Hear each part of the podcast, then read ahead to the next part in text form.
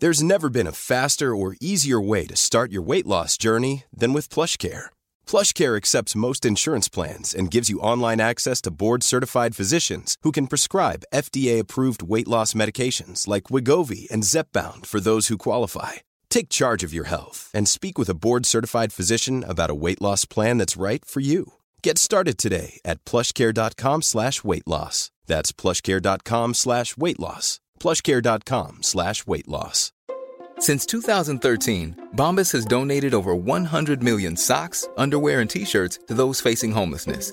If we counted those on air, this ad would last over 1,157 days. But if we counted the time it takes to make a donation possible, it would take just a few clicks. Because every time you make a purchase, Bombas donates an item to someone who needs it. Go to bombas.com slash ACAST and use code ACAST for 20% off your first purchase. That's bombas.com slash ACAST, code ACAST.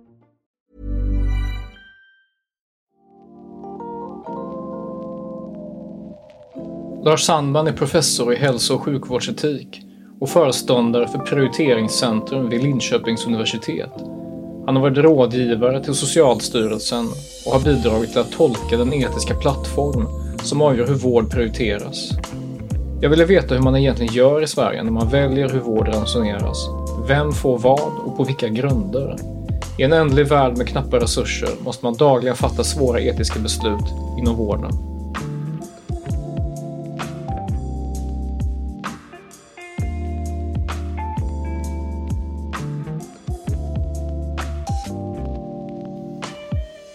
Lars, svenskar rankar eh, sjukvård skyhögt varje val, alla mätningar, konsekvent. Liksom. Det är nästan som en given. Spelar ingen roll vad som händer i världen, spelar ingen roll vad som händer i Sverige. Trots det, jag funderar på det när jag har sett de här siffrorna. Vet någon egentligen hur sjukvård fungerar? Vet väljare hur sjukvård fungerar? Det känns inte som det. Vet politikern hur sjukvård fungerar? Hur det avgörs, vad som bestäms och vad är liksom stora knäckfrågorna?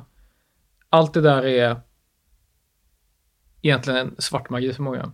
Var, varför tror du människor rankar sjukvård så högt och vad är det de egentligen tänker när de sätter det så högt? Alltså jag tror att jag tänker att det handlar om att menar, hälso och sjukvård kan ju låta som något ganska tekniskt och det är liksom sjukhus och det är byggnader och det är behandlingar och det är det ena med det andra. Men jag menar i grund och botten handlar det ju om frågor kring sjukdom, lidande, död, um, oro, alltså existentiella frågor i någon bemärkelse eh, som är ganska grundläggande och, så, och någonting som vi alla upplever. Så ungefär som jag tror att många kan bli engagerade i skolan, åtminstone när man har yngre barn. Men, men hälso och sjukvården är någonting som berör oss alla. Vi kommer alla drabbas av sjukdom. Vi har alla kanske drabbats av sjukdom eller eh, ohälsa. Vi har människor i vår närhet som har sjukdom och ohälsa. Vi, vi vet att vi ska dö. Vi kanske inte vill tänka på det, men, men i alla fall. Liksom. Så jag, jag tror att det, det är sådana frågor vilket gör att det, på något sätt kommer det kanske nära. Så, samtidigt som jag håller med dig om att, att um, jag tror det är väldigt få som förstår hur vården funkar, om, om, om ens någon av experterna, därför att det är ett sådant komplext system. Och jag tror att det ligger någonting i att en hel del av, av de som har politiskt inflytande har heller inte särskilt kanske bra koll mm. på hur vården funkar eller, eller tänker att man kanske kan genomföra förändringar som, som får, får snabbt genomslag trots att det är ett väldigt komplext system. Men att väljarna, det tror jag snarare kanske handlar om, om de här existentiella frågorna. Och sen kan man väl, möjligtvis skulle man kunna lägga till att en del menar ju att, att liksom hälso och sjukvården, läkare, vårdpersonal har, har liksom ersatt många andra funktioner för existentiellt stöd. Alltså präster eller, eller, eller kyrkan och så vidare. Och kanske också har utlovat att liksom lösa människors problem. Liksom, på ett sätt som har skapat väldigt st stora förväntningar. Så att jag tror att det finns någonting där som gör att, att det blir en, en viktig fråga. Mm. Men det, det, är ju ingen som, det är ingen som minns en vårdpolitisk eh, konflikt eller debatt. Och man minns ju knappt vad partier, politiker tycker i den här frågan. Och rent rimligt så är det en fråga likt alla andra politikområden med prioriteringar, utgifter, vägval, dilemman och så vidare. Men det syns inte. Och jag vill ju prata med dig för att du är en av de som kan prioriteringar och vård bäst i Sverige och sysslat med det länge. Beskriv lite grann. vad är det du gör? Och, och varför är den här frågan som du ägnar så mycket tid åt så mycket svart magi för så stor del av befolkningen, inklusive beslutsfattare? Men jag tror att det handlar om, om, flera olika aspekter. Om jag ska börja med att försöka säga vad jag gör. Jag, till vardags är jag, är jag, eh, jag, i grunden är jag filosof, jag är professor i hälso och sjukvårdsetik, jag är föreståndare för ett nationellt kunskapscentrum som heter Prioriteringscentrum, som just har som uppdrag att syssla med de här frågorna. Uh, och vad vi gör och jag gör handlar dels om, om någon slags teoretiska utveckling, att försöka komma fram till vad, vilka är de rimliga etiska principerna för att försöka liksom, hantera det faktum att vi har bristande resurser och inte kan göra allt vi skulle vilja göra. Men sen handlar det också ganska mycket om, om ganska konkret stöd till, till olika nivåer av hälso och sjukvården när man ställs inför olika typer av prioriteringsproblem. Och, och, grundfrågan är, är ju på något sätt en, en idé om att vi, vi, har, vi har alltid begränsat med, resurser naturligtvis. Eh, och, och, det är ju både finansiella resurser men också framförallt personalresurser. Uh, vilket gör att, att det verkar som att, att eh, det finns en viss diskussion om det, men det verkar som att vi inte, hur mycket vi än lägger till av resurser så kommer vi aldrig fylla de behov eller önskemål eller förväntningar som finns på hälso och sjukvården. Så. Uh, samtidigt så, så finns det någonting som en del har kallat för tabubelagda val här, nämligen att ställa pengar, framförallt när vi börjar ställa pengar eller finansiella resurser mot liv och hälsa och sådär. Så dels, dels är, det, är det komplext att se hur, vad, vad händer om jag stoppar in resurser i en del av systemet. Vem är det som i så fall får betala det priset? Den så kallade alternativkostnaden. Vilka patienter är det som blir lidande av det? Och det kan vi nästan aldrig säga därför att det liksom smetas ut och det försvinner och det finns massa saker och ting som påverkar det. Du menar att dessa dilemman inte är tydliga eller uppenbara för utomstående? Exakt, va? man ser inte dem. Va? Man ser inte att det finns ett sånt dilemma så dels finns det någon slags kunskapsfråga eller, eller brist på visibilitet, eller man uttrycker sig så. Men också därför att jag tror att man vill liksom inte riktigt acceptera att man måste göra den typen av val. Man vill liksom inte acceptera att vi måste kanske välja bort en, en viss, som, som ofta på, på diskussion, sådär, ett, ett nytt läkemedel därför att det är för dyrt, även om det skulle kunna rädda livet på ett barn, därför att vi inte har råd. En del människor vill inte riktigt acceptera den tanken. Att vi inte har råd? Att vi inte har råd och tänker att ja, det finns alltid resurser någonstans. Och det är klart att det gör i det individuella fallet.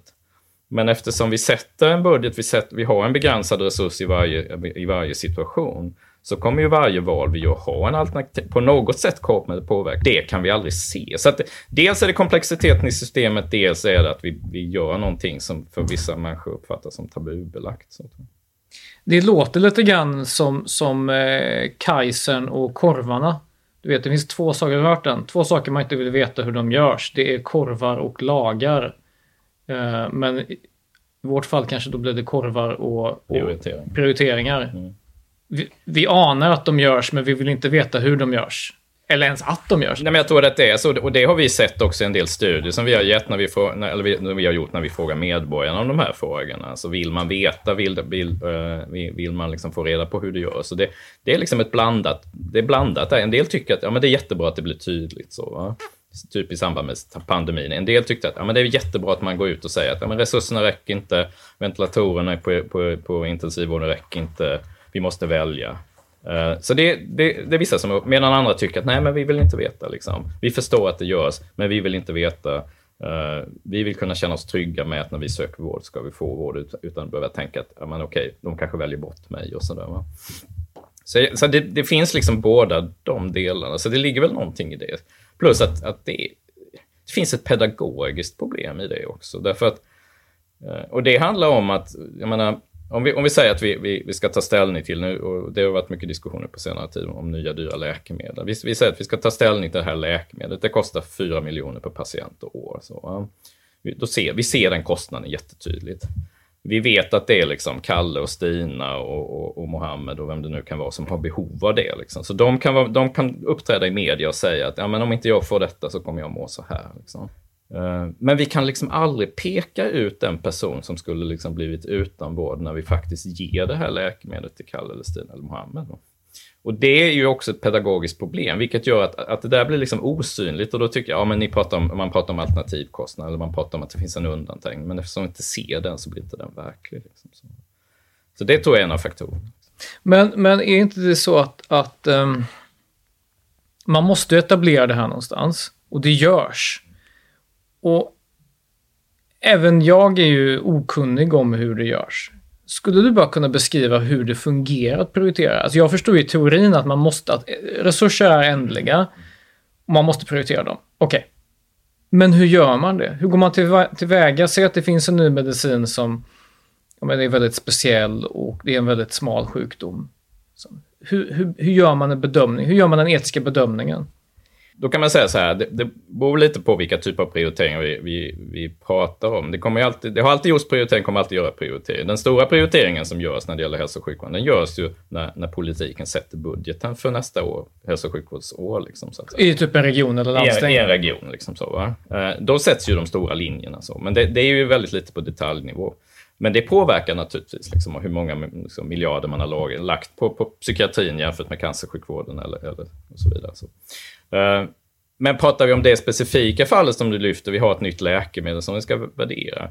Um, då har vi på senare tid inrättat nationella system kan man väl säga för att försöka få en mer jämlik användning och mer rättvis användning av resurserna när det gäller just nya dyra metoder framförallt, eller kostsamma metoder, läkemedel, medicinteknik. Så. Um, och då försöker man göra en, en värdering med ett antal dimensioner. Dels tittar man på okej, okay, hur svårt är det här tillståndet som vi pratar om? Är det här ett allvarligt tillstånd där det inte finns någon alternativ behandling som, som kan liksom lindra det? För är det ett svårt tillstånd, då är vi villiga att betala förhållandevis mer.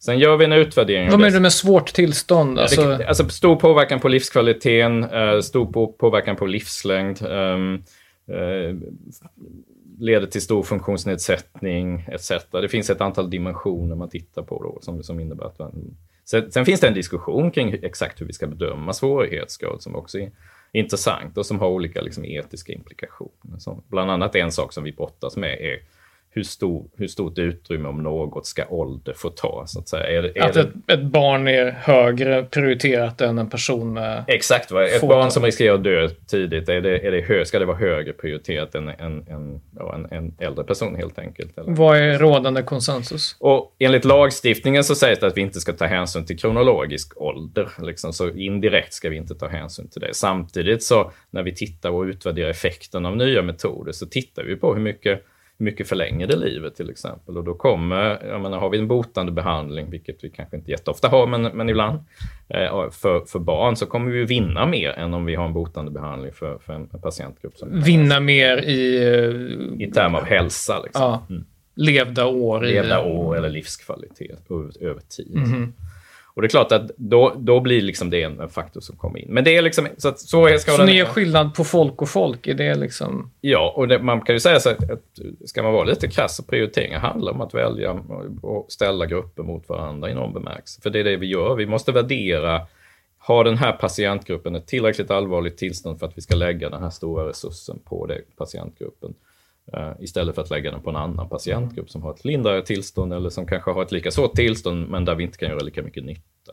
Så att vi ställer kan man säga det vi kallar kostnadseffektivitet, alltså kostnad. Och kostnad är inte bara pengar utan det är också liksom resursanvändning när det gäller personal. Och så, och så ställer vi det i relation till, till svårighetsgrad. Och så tittar vi också på sådana här saker. Vet vi att vi får ut den effekt vi vill ha i det här fallet? För det är klart att det kommer nya metoder, nya läkemedel som kanske är framförallt om vi pratar om de här läkemedlen för, för små, eh, små patientgrupper, så kallade sällsynta tillstånd, eh, då är de oftast utvärderade på en väldigt liten population, en liten, en liten studiepopulation.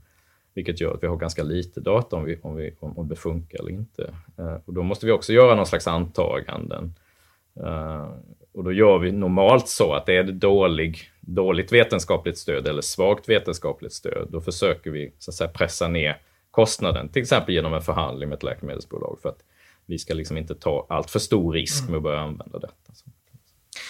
Så det låter ju som ett sorts eh, välgrundat genomrationellt arbete för att kunna ställa folk mot folk på ett motiverat sätt. Men i, i, den allmänna politiska diskussionen, då är ju att ställa folk mot folk, det är ju fullkomligt tabu. Eller man vill... Man kanske anar att det görs, men man vill inte säga att det görs, oaktat vilket ämne det är. Så, så hur, du som ändå jobbar med att utarbeta dessa liksom genomtänkta gruppmotsättningarna. Ska man undvika att kommunicera det? Eller tror du att det vore bra ifall liksom allmänheten var mer införstådd i att det här är svårt, men det måste göras? Personligen tror jag att det vore bra om medborgarna vore mer insatta i det. Och, min erfarenhet när, när man sitter ner som, som du och jag gör, sitter och pratar så här, liksom, nu är vi i och för sig ute i media, men, men liksom, mellan skål och vägg och man pratar med människor så förstår ju alla liksom, att ja, men det är klart att det är begränsat och vi måste göra val och så vidare. Så att det, det, det jag, jag, tror liksom inte medborgarna i, i gemen är, är liksom oförstående för att vi måste göra val. Sen kan man liksom ha olika uppfattningar om exakt vilka val vi gör och, så där, och hur man ska värdera saker och ting. Så, men, men jag tror att vi skulle faktiskt tjäna på en, en större medborgerlig dialog. Eh, där också framförallt politiken tog ett ansvar och gick ut och sa sådana saker som att nej, men vi har begränsat med resurser, vi måste göra val.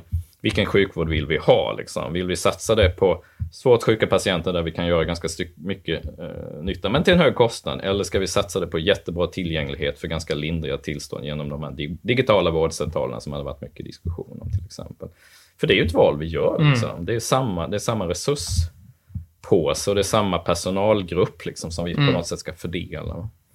Uh, sen är det väl tyvärr så att, att det jag beskrev innan om väldigt systematiska prioriteringar om specifika läkemedel, det, så är det ju inte för allting. Liksom. Väldigt mycket går ju under radarn inom hälso och sjukvård. Vad menar du med det? Vad, alltså då? i den bemärkelsen att man gör det. Man, när man skriver, man skriver upp budgeten, eller man skriver den budget man hade förra året, så justerar man lite på marginalen och så gör man ungefär samma sak som man gjorde förra året.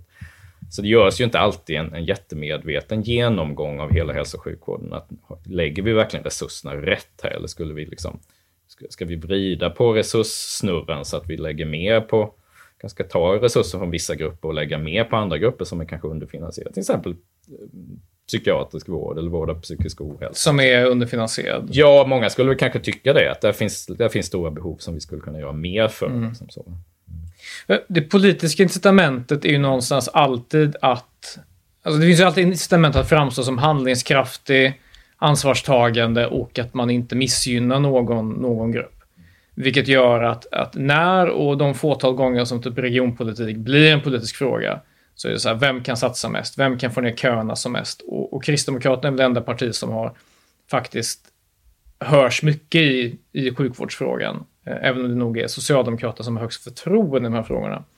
Men det är ju inga politiker som går ut och säger att vi måste minsann vara, vara hårda eh, och, och tänka på alternativkostnader och vi måste prioritera och det innebär att vi, vi kanske måste spara i den här änden. För att det är ju en dödsdom liksom. Det är en dödsdom medialt och det är en dödsdom när det kommer till patientgrupper för att eh, kanske bokstavligt talat tänker vissa då. Men för politiken så innebär det här en skitstorm av, av Guds nåde varje gång. Och så fort det är en nedläggning någonstans, en avdelning som ska slås ihop, något litet sjukhus som ska uppgå ett annat, någon sorts...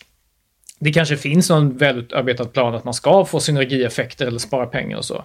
Det blir alltid impopulärt. Så ja. hur ska då politiker, om du säger, ja, jag, jag hänger med, så här, ja, det vore bra om de tog ansvar här, men hur ska de förmås göra det om de inte har några som helst skäl att faktiskt säga, vi måste välja?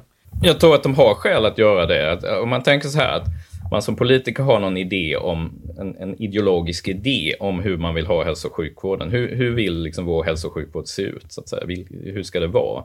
Och om man då erkänner samtidigt att resurserna räcker inte till allt. Då är ju liksom inte egentligen frågan att vi ska, det handlar ju inte om att vi ska dra ner generellt på hälso och sjukvården. Det verkar inte, inte finnas något stöd för. Vi lägger ungefär 11 procent av BNP och det, det, verkar som att folk tycker att det är... Är det mycket eller lite? Det är ungefär i paritet med andra europeiska länder. Liksom. Såna, alltså det är USA lägger liksom förhållandevis mer men har en mycket mer ineffektiv hälso och sjukvård så att det är mer slöseri av resurser. Så, så att, så att jag menar, vi, vi är väl i paritet. Liksom. Man kan skruva lite på åt ena eller andra hållet men inte, vi, är inte, vi, vi ligger liksom i linje med andra länder. Så. Eh, men, men jag tror att det handlar ganska mycket om vad är, vad är det man, man vill göra? Om, om vi säger att ja, men vi drar ner på den resursen för vi vill satsa på det här istället. Så, um, vi såg ganska tydligt i, i början av 2000-talet, eh, strax efter att de här etiska principerna som jag liksom nämnde eller indikerade att vi hade tidigare, eh, kom i bruk eller kom, blev lagstiftning, så um, gjordes ett stort prioriteringsarbete i, i det dåvarande landstinget i Östergötland. Eh, och det handlade om att man skulle dra ner på vissa vårdformer så att säga och prioritera om. Eh, men det liksom såldes, eller det blev liksom i media framställdes det som att här är en svart lista, det här kommer vi inte egentligen göra, de här patienterna kommer bli utan vård. Så.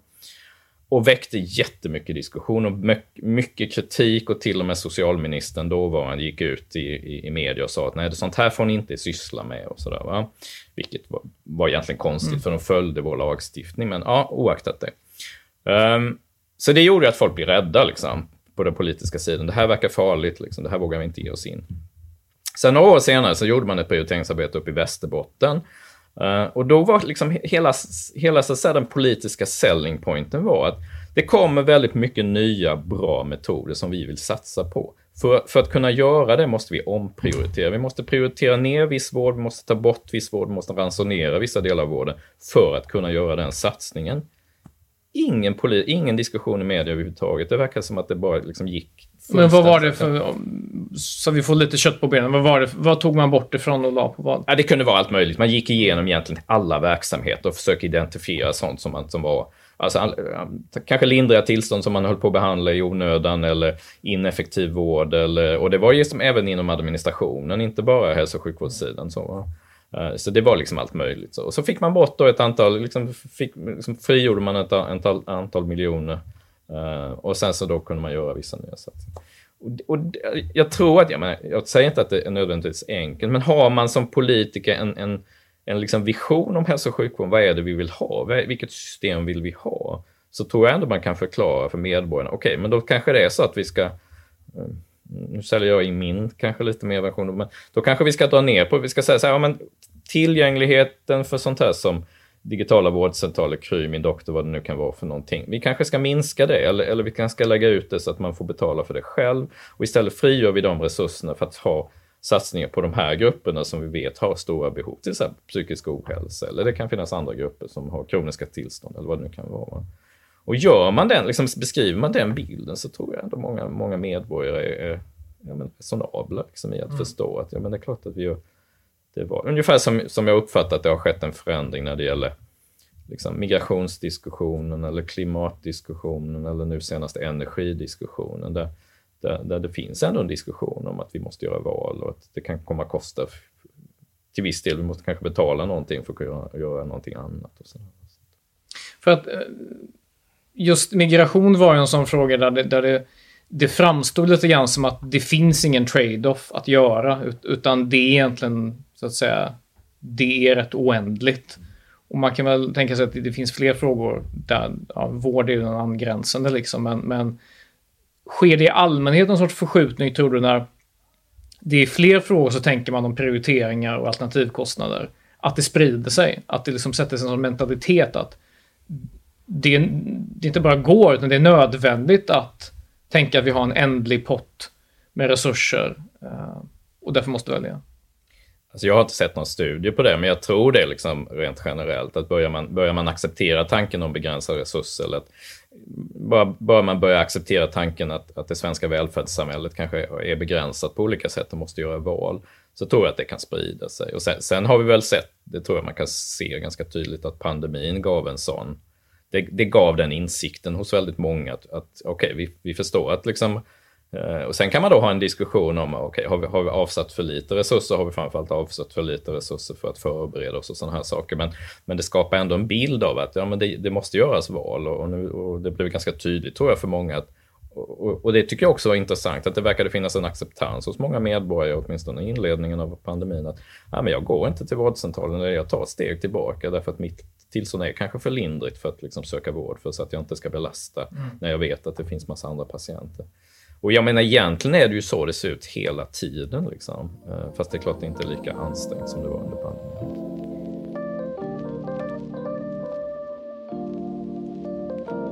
Du nämnde, eh, jag anade en, eh, en viss eh, ställningstagande från dig där ändå att, att eh, sådant som nätläkare av olika slag, som ju många tycker är jättebekvämt, för man slipper avancerade bokningssystemet från vårdcentralen som är utformat så att det ska vara svårt att, så att säga, komma över tröskeln. Det finns en poäng med det.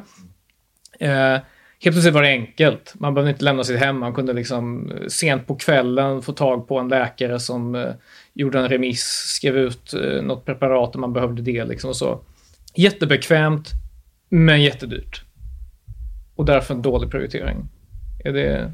Framförallt därför att, dels därför att det verkar kanske driva um, fram så att säga, vårdefterfrågan som annars inte hade drivits fram. Liksom. Vi hade legat kvar i soffan. Hade vi vetat att vi skulle gå till vårdcentral så hade vi legat, okej, okay, jag väntar någon dag. Och så hade det kanske gått över, eller min oro hade lagt sig, eller vad det var så, så här, som jag sökte vård för. Eh, I vissa fall så är det naturligtvis vårdbehov som kanske liksom behöver, behöver någon insats, men, men där det delvis kan vara så att man ja, man får en del, delinsats där, men sen måste man ändå komma till vårdcentralen, så då blir det ytterligare en kostnad, så det blir dubbelkostnad. Så, det, är en, det är en aspekt. Eh, men också därför att om vi har en idé om, eh, och då är vi tillbaka i de här etiska principerna, och det kan man ju tänka sig att man köper helt andra principer. Eh, men om vi har en idé om att ja, men, ju större behov jag har, liksom, desto viktigare att jag får del av resurserna. Liksom. Har jag drabbats av, av, av livshotande cancer eller ALS eller, eller, eller jag menar, MS eller något sånt här svårt tillstånd som kan kräva ganska mycket vårdinsatser, kanske dyra läkemedel, vad det nu kan handla om. Eh, om det ska finnas där för oss, liksom, vad är det vi i så fall ska välja bort? Vad skulle du vilja välja bort? Vad skulle jag vilja bort, välja bort?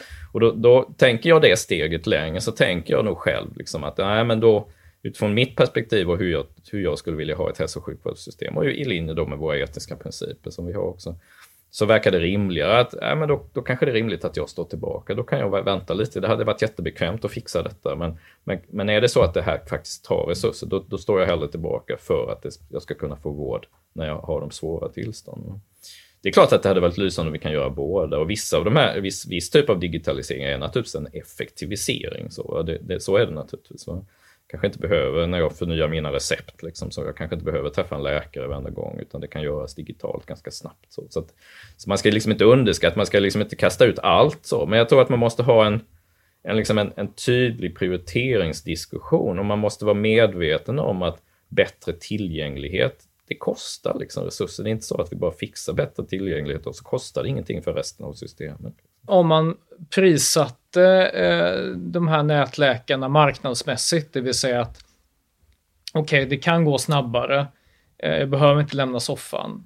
Vad, hade det, vad är den faktiska kostnaden för att jag ringer en läkare och säger jag har svårt att sova, jag vill ha Propavan utskrivet. Vad är den faktiska kostnaden? Vad är det landstinget, eh, regionen betalar? Om jag kommer ihåg rätt, nu, nu har jag inte exakt, men jag, om jag kommer ihåg rätt så för varje så att säga, besök som man registrerar så är det väl 600 kronor eller något sånt där. Mm. Och man kan naturligtvis hinna med ganska många liksom, ja. när, man, när man bedriver digital vård. Och, och sen kan det tillkomma kostnader för att man måste betala för undersökningar eller för de, de läkemedel man skriver ut. Och så där. så det är ju också andra kostnader. Hade de funnits kvar, tror du, på den svenska marknaden ifall de var tvungna att bära sina egna kostnader, det vill säga att bli lönsamma med att folk faktiskt betalar det där och inte bara tänker, ja men det där går via skatten? Alltså det är svårt, det är svårt att veta. Det är väl så, jag kan inte egentligen liksom deras ekonomi, men om jag har förstått så är det väl flera som fortfarande inte Alltså de, de har fått fortfarande något break-even. Liksom, så att säga. De, trots att de är 100% subventionerade? Ja, och, och, trots att de har liksom stora investerare som har lagt otroligt mycket pengar på detta. Så, så att det, det är svårt att säga liksom, och det, det är svårt att säga hur mycket vi var villiga att betala för, för den typen av vård. Men det som, det som jag tyckte var intressant med den diskussionen är att där har jag liksom mött även liksom företrädare för Vänsterpartiet som är som sagt, normalt sett kanske inte alls är så mycket för privatfinansierad vård som tyckte att ja, men det där kanske man kan finansiera privat istället. Så. Sen är ju det en lite känslig diskussion. Det är väl en av dem, och det där tycker jag är intressant när vi pratar också politiska ställningstaganden inom, inom hälso och sjukvården. Att, um, vi håller på med, med studier kring just politikens roll inom, in, inom hälso och sjukvården. Och, uh, det är liksom intressant i de intervjuerna som är gjorda där att politikerna verkar inte se några sådana tydliga ideologiska skillnader när det gäller hälso och sjukvården och hur den ska fördelas eller prioriteras. Förutom när det gäller en fråga, nämligen frågan om privat eller offentlig finansiering. Mm. Ja, precis. där finns en tydlig ideologisk skiljelinje. Där finns det en väldigt tydlig ideologisk mm, skiljelinje, mm. absolut. Så det här handlar ju ofta om, om, om liv och död och, och det var väl eh, nyligen, jag tror det var i år som det var en diskussion om det här med den här lungsjukdomen, nu minns inte jag vad den heter, men där det är stor slemproduktion. Cystisk fibros. Precis. Um, där det var en ny medicin som finns i andra länder uh, och används uh, inom sjukvården i Europa, men där man beslutade, är det från Socialstyrelsen? Från TLV, Tandvårds och läkemedelsförmånsverket, som är myndigheten som just hanterar Precis. läkemedel inom förmån. Och där bestämde man sig för att nej men det här är inte, det här kommer vi inte, så att säga, kommer inte lyda under högkostnadsskyddet då, antar jag. Ja. Protesterna var jättestora och är väl fortfarande det, antar jag. Yes. Ta mig igenom, hur, hur, hur, liksom, hur kan du tänka dig att man resonerar där? Nu har inte jag, har inte jag varit inblandad i just det beslutet, mm. men jag sitter liksom i andra råd som fattar liknande beslut. Så. Uh, det man gör då är det som jag tror jag sa tidigare. Man, man tittar liksom på, här har vi en svårt, svårt sjukdomstillstånd så att vi är villiga att betala liksom förhållandevis mer. Det är uh, kanske en, en, ganska liten grupp, vilket har ju, vi har sagt att då är vi villiga att betala ännu mer om det är en liten grupp. Därför att utveckla läkemedel för en liten grupp är ju då är marknaden så att säga mindre och då, det, då måste prisen vara högre för att få tillbaka samma liksom, typ av vinst och, och, och, och utvecklingskostnad. Och så. Um, så vi har liksom en högre, vad vi brukar säga, betalningsvilja, eller tröskel för vad vi är villiga att betala. Så görs då en utvärdering av det här läkemedlet och man kommer fram till att det verkar vara ganska effektivt. Liksom så. Men det som är knäckfrågan är då liksom prissättningen i relation till, till effekten. Uh, och där man menar då från TLVs sida att, att den ligger liksom alldeles för högt. Uh, och då är vi ändå liksom villiga att ändå betala uh, mer förmodligen. Men, men där, där det framförallt liksom gör att man säger nej. Då. och sen har det då varit ett par omgångar man har sagt nej två gånger. Nu väntar vi på ett tredje besked i förmodligen november. Här, liksom. Mm. Och det är klart att, det, att och där är det väldigt, blir det ju då väldigt tydligt liksom för de här patienterna att, att, att här har vi en, en, ett läkemedel som potentiellt skulle kunna göra väldigt stor skillnad för oss. Uh, skälet till att man säger nej är liksom pengar eller kostnaden. Så att säga. Det här är det verkligen kostnaden. Ibland andra I andra fall kan det ju vara så att man ifrågasätter effekten eller så. Men i det här fallet är det verkligen kostnaden för läkemedlet. Eh, och då har vi liksom våra system där vi, där vi försöker agera så konsekvent som möjligt. Och det jag tror att vi som, som, som liksom håller på med de här frågorna är lite rädda för om man skulle säga ja, liksom acceptera en högre kostnad, det är att då, då, då driver det kostnaden även för andra läkemedel. Då, då, skulle vi liksom vara tvungna att säga ja till en högre kostnad också för andra läkemedel eftersom ja, vi ska behandla så att säga, alla aktörer jämlikt eller lika. Mm. Liksom. Um, och det skulle så att säga riskera att få liksom en större undanträngning än vad vi får. Och tittar vi på hur, hur, det ser ut i nuläget så, så förefaller det åtminstone som att det är ändå ganska många patienter som får tillgång till de här nya läkemedlen. Vi lyckas liksom få um, vi lyckas sluta ett avtal. För det vi gör då kan man säga, det är att vi, vi, vi eh, ingår liksom avtalsförhandlingar med läkemedelsbolagen och, och försöker helt enkelt förhandla ner priset tills priset då blir rimligt i relation till de här andra faktorerna. Uh, I det här fallet har vi då inte lyckats med det, men än så länge åtminstone. Uh, men i många andra fall så lyckas vi ju med det, så att säga. Och vi hittar liksom en, en, en nivå där vi kan, liksom, både från läkemedelsindustrin och från hälso och sjukvården, så att säga, vad, vad tycker att vi har hittat liksom en, rimlig, mm. en rimlighet i det. Liksom, som, Eh, och, då är det väl så att, eh, att alla, alla system har lite olika sätt att värdera. Eh, olika länder kan ju också ha olika förhandlingskraft. Liksom. Är man ett stort land som Tyskland eller som, som England eh, med, med, många invånare så kan man ju liksom sätta helt annan kraft på en förhandling. Så de kanske får bättre villkor. Det är hemligt så det vet vi inte vi. Liksom. Eh, sen vet vi att vissa system har politiker som griper in och, och liksom direkt går, går, in och säger att vissa, kanske på grund av det politiska trycket, då, vilket riskerar kanske att skapa ojämlikhet i systemet, för alla grupper har inte samma möjlighet att påverka politiken. Så att, um, jag, jag, talar naturligtvis delvis i egen sak eftersom jag är inblandad i de här mm. frågorna. Men, men jag tycker kanske att, att, Sverige ändå har hittat ett sätt att hantera de här frågorna som är så att här rationellt och systematiskt och, och, och som som gör att vi på sikt liksom kan ha ganska god ordning på de här frågorna. Och det är väl också det intrycket jag får när jag är utomlands och träffar kollegor utomlands, att de tittar lite grann på Sverige och, och även Norge som har liknande system och tycker att ja, men ni verkar kunna hantera det ganska bra. Liksom. Ni gör en ganska rimlig avvägning i många fall. Det innebär inte att vi alltid gör det, men, men i många fall mellan de här olika intressena. Så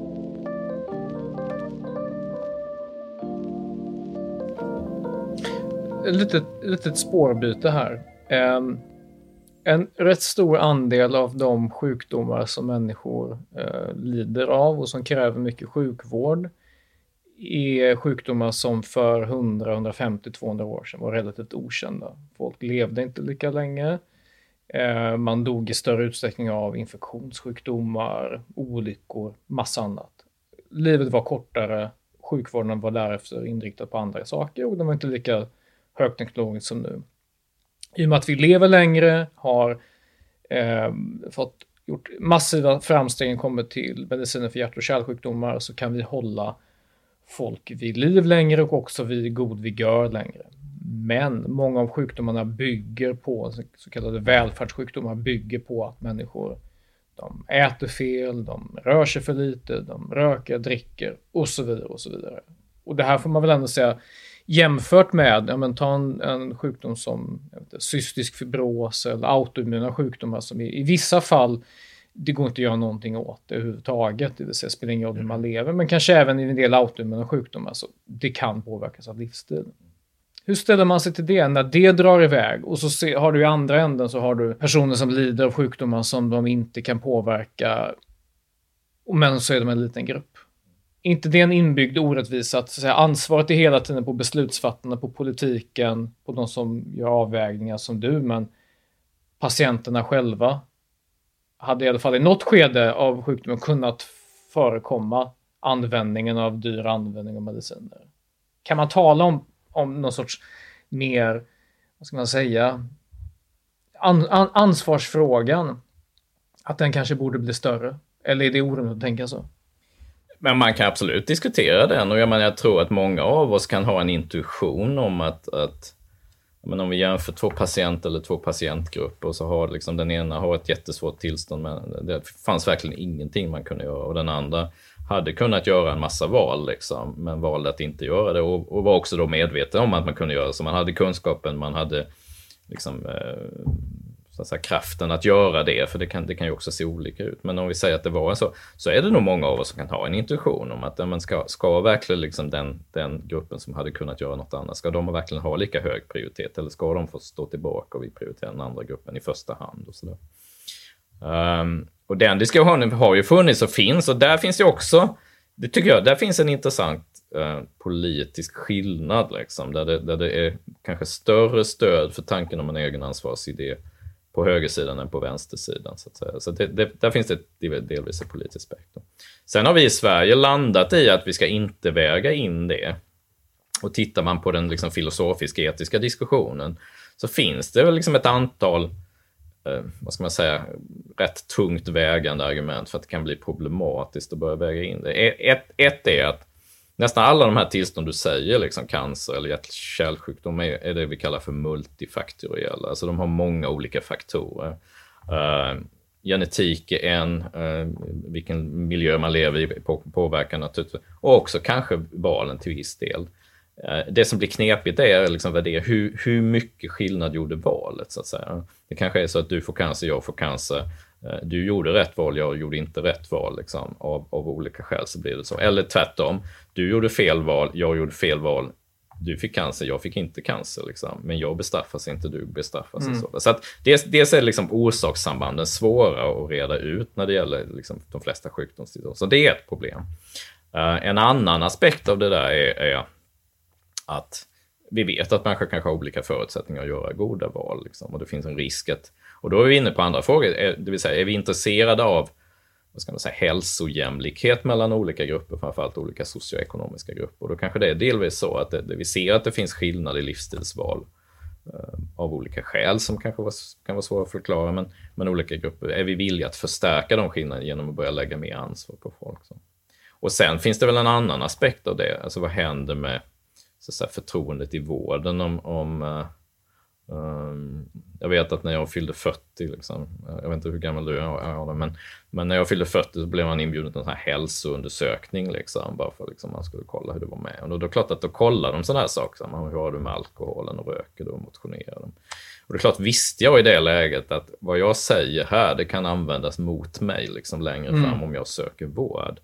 Då är det klart att då skulle jag vara liksom mer ovillig att berätta om det, vilket skulle kanske skapa hinder för det preventiva arbetet. Och så där. så att det, det finns liksom ett antal argument som, som, är, som åtminstone jag ser som relativt tungt vägande för att jag tror det skulle bli problematiskt mm. om vi börjar väga in det. Sen innebär det inte det att inte vi kan liksom försöka jobba med att försöka få folk att ta ansvar. Va? Det vill säga vi kan försöka påverka och trycka på och kanske skapa, liksom, göra det lättare för människor att ta ansvar och så vidare. Det finns ju olika sätt att hantera det på. Um, sen kan man väl också se, och det, där finns väl också en politisk dimension, men man skulle kunna säga det faktum att vi, vi eh, lägger skatt på vissa skadliga varor som rök, alltså som tobak eller alkohol, det kan man ju liksom se som ett sätt att okej, okay, men då lägger vi ett, då får folk betala för att de utsätter sig för risken. Liksom, och så kan det vara någonting som, då har man liksom på något sätt tagit ansvar delvis den delen. Men, men jag menar, den här diskussionen är, le jag skulle säga den är levande och den dyker upp. Och, och, det finns en annan aspekt av den som jag tycker också är intressant och som kanske är en, en, en mer framgångsrik eller som skulle kunna vara någonting som vi behöver diskutera. Det är väl, finns det saker och ting som hälso och sjukvården idag gör, men som jag kanske skulle ta ansvar för eller finansiera? Det vi pratade om tidigare med de här nätläkarna. Man skulle kunna tänka sig att jag finansierar viss vård själv. Liksom. Men det kan ju också vara så att jag tar ansvar för jag får göra vissa saker själv liksom, som inte hälso och sjukvården ska göra. Liksom.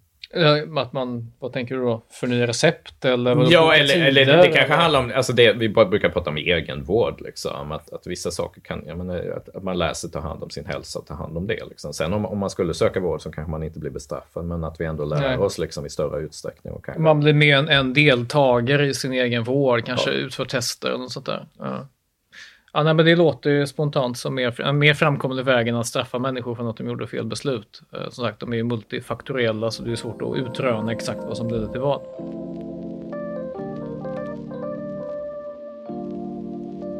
Trots att det känns så himla avlägset nu så, så vill jag ändå beröra frågan. Pandemin.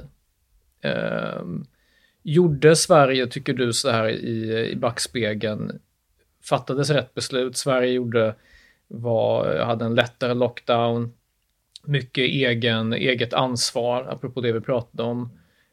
Um, uppmaningar, man var inte så strikt. Uh, man väntade med, med rekommendationer gällande eh, maskanvändning. Var, var det rätt, tycker du, överlag? Alltså, svår fråga på ett sätt, för det är klart att jag, jag tycker vissa, vissa beslut tolk, utifrån mitt perspektiv verkar det vara rätt att liksom inte stänga skolor och att, att kanske faktiskt uh, uppmuntra eller lita i stor utsträckning till det här ansvaret som, som jag uppfattar att väldigt många människor trots allt tog, åtminstone i början. Sen kanske det liksom släppte efterhand delvis. Uh, vi verkar liksom, om man tittar i back, backspegeln, eh, ha klarat oss liksom på det hela hyggligt väl. Liksom. Vi, vi ligger inte allra bäst och vi ligger inte sämst på något sätt. Så. Sen finns det väl saker och ting man absolut skulle kunna ha gjort bättre. Liksom. Det, det, tycker jag. Jag menar, där finns väl den sak som har lyfts kanske allra mest, nämligen hur, hur blev det för de äldre? Liksom? Var de tillräckligt skyddade inom äldreomsorgen? Det var de väl inte? Och det var de inte. Liksom. Det, det, där finns, verkar det finnas liksom, olika typer av strukturella brister helt enkelt och kompetensfrågor. Och, och det är flera frågor liksom som, som man behöver adressera som man delvis har gjort. Det har ju kommit ett, ett, en utredning som föreslår en, en speciell äldreomsorgslag och sådär. Så sen om det löser problem, det vet inte jag riktigt. så. Eh, men där till exempel nu i Tidöavtalet så föreslås ju om, om eh, att, kommunerna kanske ska ha möjlighet att, anställa läkare. Det skulle kunna vara åtminstone ett sätt att kanske höja den medicinska kompetensen och att de kommer lite närmare och sådär. Så, det, det, fin, det, finns absolut saker och ting som, som vi hade kunnat göra bättre. Eh, Sen om jag tittar på hälso och sjukvården som är kanske mitt framförallt expertområde. Och då, nu, är, nu är jag återigen lite grann egen sak. Jag var ansvarig för att ta fram prioriteringsriktlinjerna för både intensivvården och resten av hälso och sjukvården eh, på Socialstyrelsen.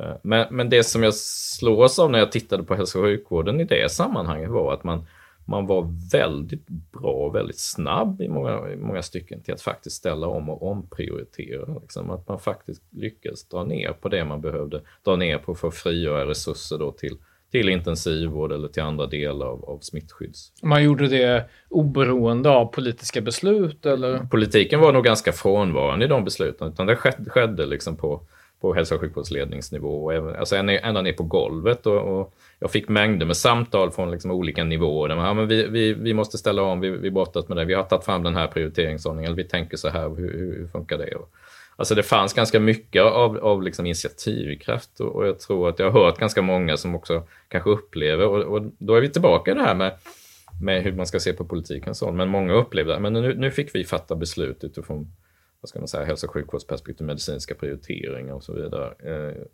inte en massa så politiska initiativ som vi tycker kanske inte hjälper oss särskilt mycket. Och så där, så där, där, där, finns nog en, en, en, kraft i det som man kunde se under pandemin. Men det ställer ju också frågan om, vill vi ha ett demokratiskt styrt hälso och sjukvårdssystem så är det ju liksom politiken som kan, som kan, gen, som kan liksom stå för det. Va? Det var väl en sak som man kan kritisera kanske generellt när det gäller pandemin och de ställningstaganden som gjordes, eller utifrån mitt perspektiv, att en hel del av de värdeavvägningar som trots allt är, för det var ju det vi var tvungna att göra, liksom. att politiken var lite frånvarande där och inte liksom tog ställning, utan man liksom lutade sig mot myndigheterna. Och det är klart, myndigheterna kan ju på ett sätt göra värdeavvägningar, vi gör ju det hela tiden inom ramen för den lagstiftning som, som vi har. Men att, att de här stora, när det handlar om sådana stora frågor och kriser, en krissituation. Liksom. Eh, eh, då, blir det, då skulle man kanske önska att politiken tog ett st tydligare steg framåt och, och, och liksom peka på att ja, vi tar ansvar för de här värdeavvägningarna som behöver göras i det här sammanhanget. Du tänker att man, man gjorde lite, tog den fega vägen ut eller? Ja, men kanske lite så. Men det, är, är svårt att säga. Man, det, man, man, man framträdde ju ofta som att det här var liksom enighet mellan politik och, och, och myndigheterna, framförallt Folkhälsomyndigheten. Men men eh, det kanske också hade kunnat vara ett tillfälle för politiken att tydligare säga att de här finns det liksom värdeavvägningar som vi ser. Eh, och, där man liksom tydligt visar att man tar ställning för de värdeavvägningar som görs eh, i, istället för att bara säga att ja, men vi litar på Folkhälsomyndighetens bedömning eller någon annan myndighets bedömning. För det, i, i sista änden är det ju ändå värdefrågor vi pratar om här. Det vill säga, ska vi, ska vi liksom ska vi acceptera att vi kanske ökar risken till exempel för att, att vissa grupper som, som riskerar att få, få svår sjukdom uh, har en högre risk att drabbas av det här tillståndet, den här pandemin, samtidigt som vi skyddar uh, barn från att drabbas av långvariga konsekvenser av att inte kunna gå i skolan eller vad det nu skulle kunna handla om. Och det är ju, jag menar, det är ju tydliga värdeavvägningar. Mm. Om du skulle ge ett, ja, det kanske är svårt att ge ett så generellt råd, men om du skulle ge ett råd till mot bakgrund av det du såg i samband med pandemin inför nästa stora kris, må det vara någon sorts liksom, antibiotikaresistent bakterie eller någonting stort. Om du skulle säga, men den här lärdomen, det här, är det, det här var det viktiga vi tog med oss härifrån. Det här bör vi ha med inför nästa gång någonting så stort händer. oss. Vad skulle det vara? Ja, men då skulle det nog vara det, det som jag tycker ändå jag har sett i efter, efterspelet här, nämligen att, att vi förbereder oss helt enkelt för nästa kris och förbereder oss för att vi kan ställas inför den här typen av svåra avvägningar. Um, och inte tveka utan Nej, och att man vågar diskutera de frågorna. Jag tror att det är viktigt. Vi, vi gjorde ju de här intensivvårdsriktlinjerna på Socialstyrelsen. Vi tog fram dem på en och en halv vecka. Nu hade vi som tur var då de här etiska principerna som finns i lagstiftningen att luta oss tillbaka mot. Så det, vi börjar ju inte från från scratch. Liksom. Men, men jag tror att, att, och sen har vi haft, har det varit en diskussion, jag har varit inblandad i ett arbete på Socialstyrelsen där man har försökt utveckla mer generella prioriteringsprinciper för kris och krig. Så, men, men i den diskussionen kan man ibland märka att vissa vill liksom inte riktigt acceptera att det kan bli så här illa, så att vi kan tvingas ställas inför så svåra val. Och då, försöker, och då, då vill man gärna att liksom vad, kan, vad ska man säga, man, man, vill, man vill få det att liksom framstå som att vi, kom, vi kommer nog kunna göra ändå ganska mycket och, och vi kunde, kommer kunna göra det mesta. Men, men tvingar man inte sig själv att liksom, äh, inse att uh, men, i vissa lägen liksom, har vi ett väpnat anfall mot Sverige äh, där vi har otroligt många skadade äh, och där vi har en kirurgisk resurs som kan liksom hjälpa bara en bråkdel, då, då kommer vi tvingas till väldigt svåra val. Och att man förbereder sig på det och har den diskussionen innan och liksom vrider och vänder på de här värderingarna som vi då tvingas ställas inför. Och, och, och försöker liksom förbereda oss. Sen om man kan förbereda sig, det är väl en annan fråga. Så att säga. Men har man haft den diskussionen innan? Och det, det är ju också ett sätt att lyfta frågorna till både politiken och medborgarna. Att så här kan det komma att se ut om vi skulle hamna i en sån situation. Eh, för det handlar ju också om legitimitet liksom, för de beslut som fattas. Nu uppfattade jag kanske som att det fanns en ganska stor legitimitet för ganska många av de beslut som fattas under pandemin. Men det är klart, inte i alla grupper. Liksom. Lars Sandman, tack så mycket för det här samtalet.